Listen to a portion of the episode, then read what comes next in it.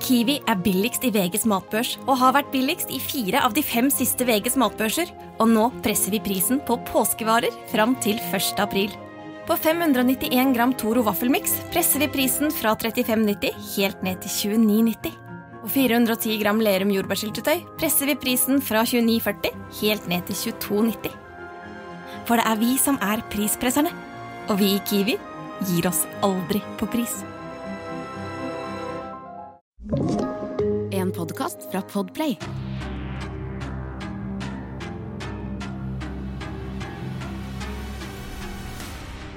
Hei og velkommen til Forsyningsfredag podkast. Denne episoden kan være skremmende for enkelte lyttere, så dersom du er yngre eller sensitiv, så vil jeg anbefale deg å lytte til episoden med en voksen du stoler på, eller skru av. I denne ukens Forsyningsfredag så skal jeg ta for meg saken om Albert Walker, som også er kjent for å være saken om det nesten perfekte drapet.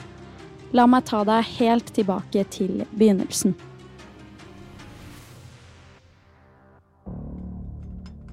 Klokka er rundt fem på morgenen 28.07.1996 da noen fiskemenn gjør seg klare til å begynne på jobb i Brixham Harbour, liggende i Devon i Storbritannia.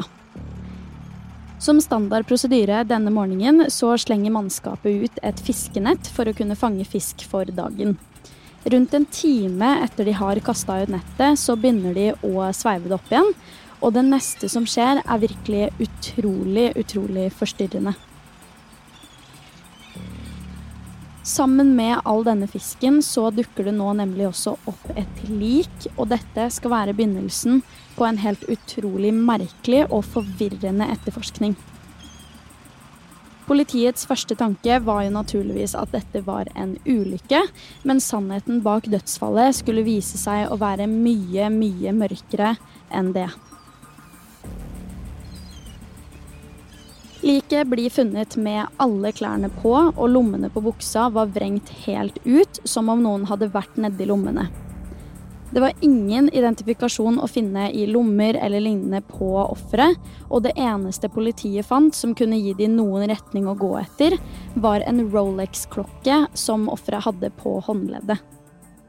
En klokke kan jo være veldig personlig og gi veldig mye informasjon dersom man kontakter en butikk som kan sjekke opp i serienummer og lignende. Og det hjalp jo også på at dette var en såpass dyr klokke, og at det ikke fantes så mange Rolex-butikker i nærheten.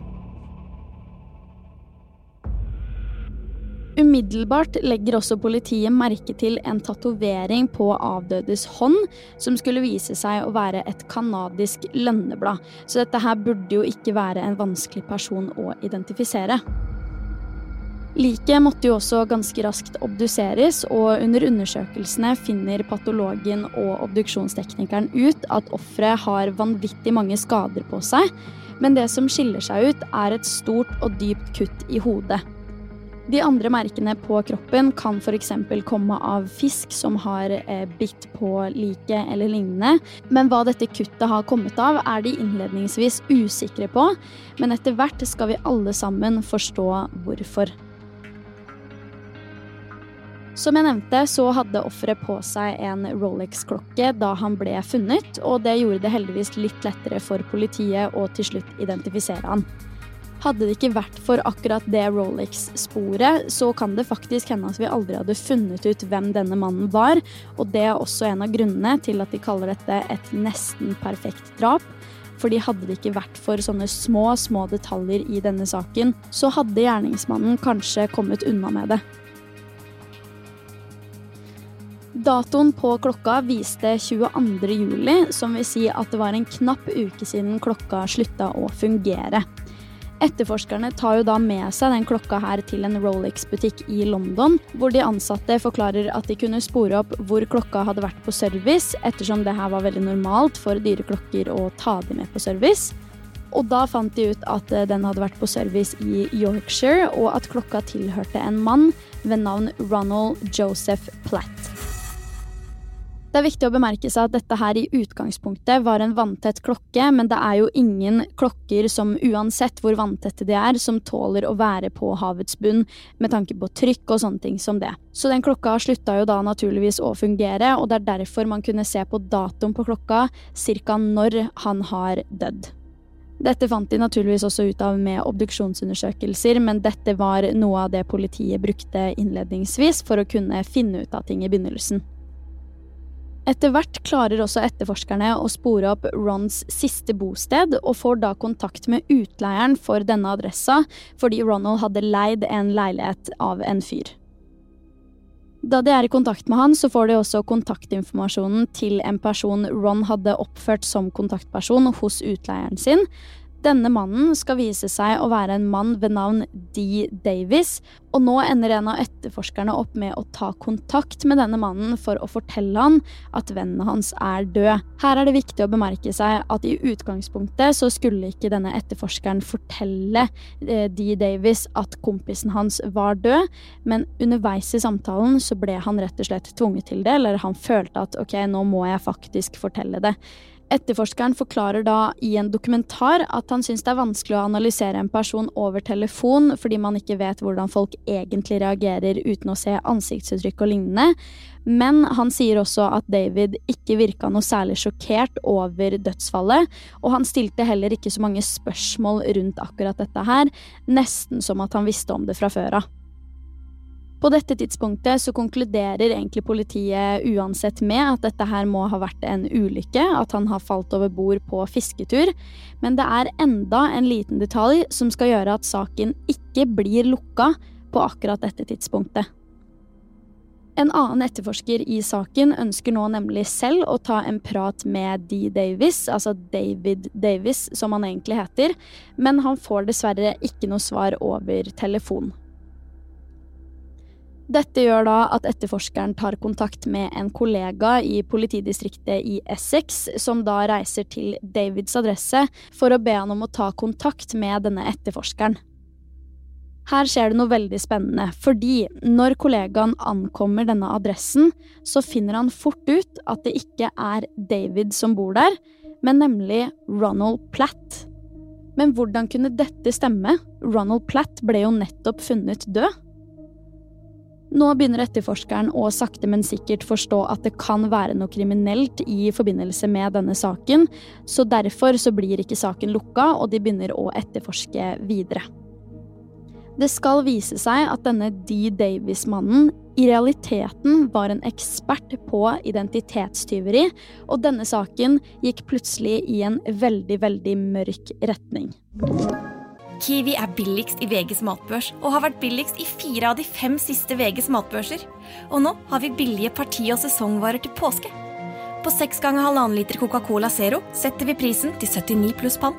På 600 gram Folkets Burger Big Pack setter vi prisen til 79. På 650 gram Lerøy helside laksefilet i aluminiumsform setter vi prisen til 169. For det er vi som er prispresserne. Og vi i Kiwi gir oss aldri på pris.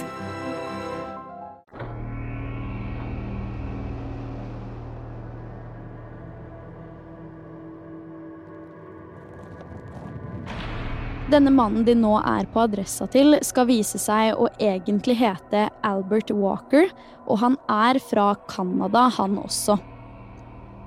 Albert Walker var en mann som lett fikk andres tillit, og han var eksepsjonelt god på å svindle folk og få penger av dem.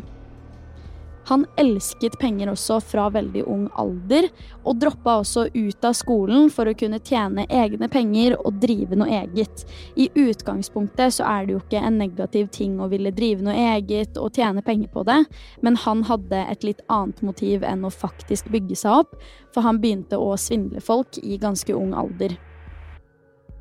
I sine litt mer voksne år så har han faktisk svindla over 70 canadiske klienter for mer enn 3,2 millioner canadiske dollar, som gjorde at han da i 1990 endte opp med å rømme til Europa fra Canada.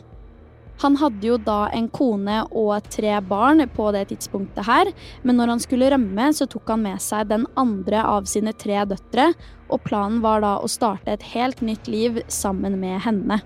Hun skulle nå utad være kona hans, selv om hun i realiteten var datteren hans på 15 år. I 1993 blir Albert Walker tiltalt for 18 tilfeller av bedrageri, tyveri og hvitvasking av penger. I sin tid var Albert Walker Canadas mest ettersøkte kriminell, og hos Interpol var han den andre mest ettersøkte. Som nevnt hadde han jo rømt til Europa med datteren sin, og de bodde nå i England.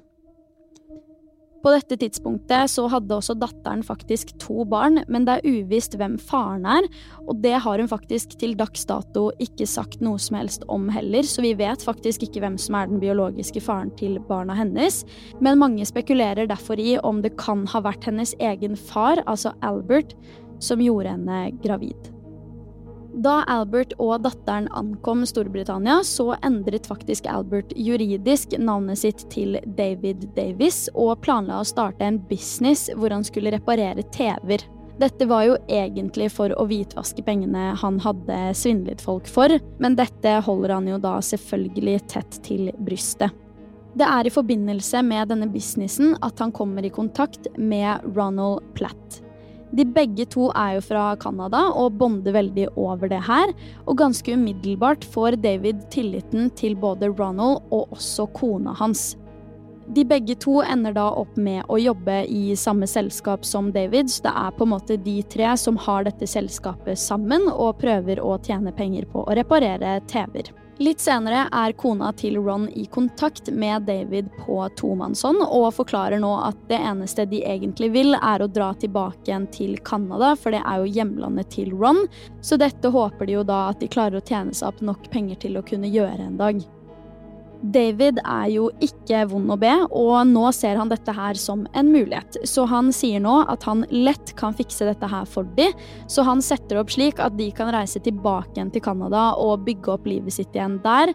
Men for å kunne holde liv i businessen de hadde gående i Storbritannia, så behøvde han både stempel med signaturen til de begge to, og også fødselsattest og førerkortet til Ron. Dette er jo da angivelig for at han skal kunne signere ting på vegne av dem i forbindelse med jobb, men jeg syns jo personlig at det høres veldig rart ut uansett. Ron og kona hadde jo som sagt tillit til David, og derfor så bare godtar de det her, før de så er på vei til hjemlandet. Dette her virker jo nesten for godt til å være sant. Så fort Ron og kona har reist, så endrer faktisk David navnet sitt igjen, og denne gangen til Ronald Platt. Han regelrett stjeler identiteten til kollegaen sin, som nå befinner seg i et helt annet land, og han er også helt uviten om hva det er som foregår i Storbritannia. I utgangspunktet så tenker jo han at dette her går helt fint, businessen går kjempebra hjemme i Storbritannia, og han skal leve livet sitt i Canada i beste velgående. For å unngå forvirring fra det tidspunktet her i episoden og utover, så kommer jeg til å kalle David for David, selv om han endra navn. Bare vite at de på dette tidspunktet egentlig har samme identitet, samme fødselsdato, samme signatur, alt dette her. Det er helt likt, bare at de bor i hvert sitt land. Men jeg kommer som sagt til å titulere han som David. Til ulempe for David så tar det faktisk ikke så veldig lang tid før Ron og kona blir satt i en økonomisk krise i Canada, og dermed velger å returnere til England. Dette kom definitivt som et sjokk for David, for nå er det jo to personer med nøyaktig samme identitet, med nøyaktig samme fødselsdato. Alt er komplett helt likt, og de er nå i samme by og land. Dette er så lite trygt for hans del, fordi han har jo stjålet identiteten hans. Så en av de måtte gå, og David følte derfor at han var nødt til å finne på noe lurt. Om ikke kom hele livet hans til å rase sammen. En dag tar da David med seg Ronald Platt ut på en fisketur i båten sin, ettersom de også var venner, i hvert fall i Ronald sitt hode. I realiteten var jo dette her egentlig bare en del av den store planen til David om å utslette kollegaen sin til egen fordel, sånn at han slapp å bli fengsla og dømt for alt det grove bedrageriet som han fremdeles bedrev på denne tiden. Når David og Ron nå er ute i båten, så ender David opp med å banke Ron bevisstløs. Og derfor fant de som obduserte liket til Ron et kutt i hodet, fordi han hadde jo blitt banka. David tømmer så lommene til Ron for alt som kan identifisere han, og deretter fester han beltet sitt til et anker som lå i båten. Ronald Platt blir nå kasta over bord med dette ankeret, og ender nå opp på bunnen av havet. Dette med beltet og at han hadde blitt festa til et anker og sånne ting, fant faktisk etterforskerne ut av fordi at det beltet han var blitt festa med, hadde spor etter teksten som sto på ankeret, og de hadde dermed muligheten til å bruke dette her i avhøret mot David Davis etter hvert, eller Albert Walker, som han egentlig heter. Det er jo veldig kort tid etter at Albert Walker er blitt dumpa i vannet, at han etter hvert blir skylt opp i dette nettet av disse fiskerne, og at de klarer å finne ut av det. Det er så utrolig små detaljer som skulle til for at dette her skulle bli funnet ut av og løst i det hele tatt. Hadde det ikke vært for disse små detaljene, som at Ronald hadde på seg denne Rolex-klokka, og at det tok såpass kort tid fra han ble dumpa i vannet til han ble skylt opp, så kan det faktisk hende at Albert Walker hadde sluppet unna med dette drapet. Til slutt ender Albert Walker uansett opp med å bli dømt til livstid i fengsel for drap, grovt bedrageri, identitetstyveri og hvitvasking av penger, og alt dette for sin egen vinning. Albert er jo opprinnelig fra Canada, så etter å ha sona noen år i fengsel i Storbritannia, så fikk han faktisk muligheten til å sone resten av straffa si i hjemlandet sitt. Datteren hans, som da var en ganske stor del av denne saken uten å bli definert som kriminell, har uttalt at hun avskyr faren sin og føler at hun er nødt til å beskytte familien sin mot han, og Derfor så syns hun at det er helt forkastelig at han skal få sone i hjemlandet sitt, og mener at han egentlig bare burde dø i et britisk fengsel. Det er faktisk utrolig nok også en mulighet for at Albert Walker blir løslatt tidlig, ettersom han er blitt litt opp i åra og er veldig, veldig syk. Så hva driver egentlig en person til å gjøre handlinger som dette her, og 100 utelukkende for sin egen vinning? Jeg er veldig interessert i å høre dine tanker, meninger og refleksjoner om denne saken. Så dersom du har noen, så må du veldig gjerne sende det inn til meg på Instagram, der jeg heter Forsvinningsfredag. Og om det er en true crime-sak du veldig gjerne vil at jeg skal ta for meg i poden, så må du også gjerne sende inn til meg på Instagram. Det setter jeg alltid veldig, veldig stor pris på. Du har hørt Forsyningsfredag podkast med meg, Sara Høydahl. Og dersom du vil sjekke ut flere true crime-saker, så kan du også sjekke meg ut på YouTube, der jeg heter Sara Høydahl. Uansett så kommer det en helt ny Forsyningsfredag podkast-episode allerede neste fredag. Og i mellomtiden, ta vare på deg selv.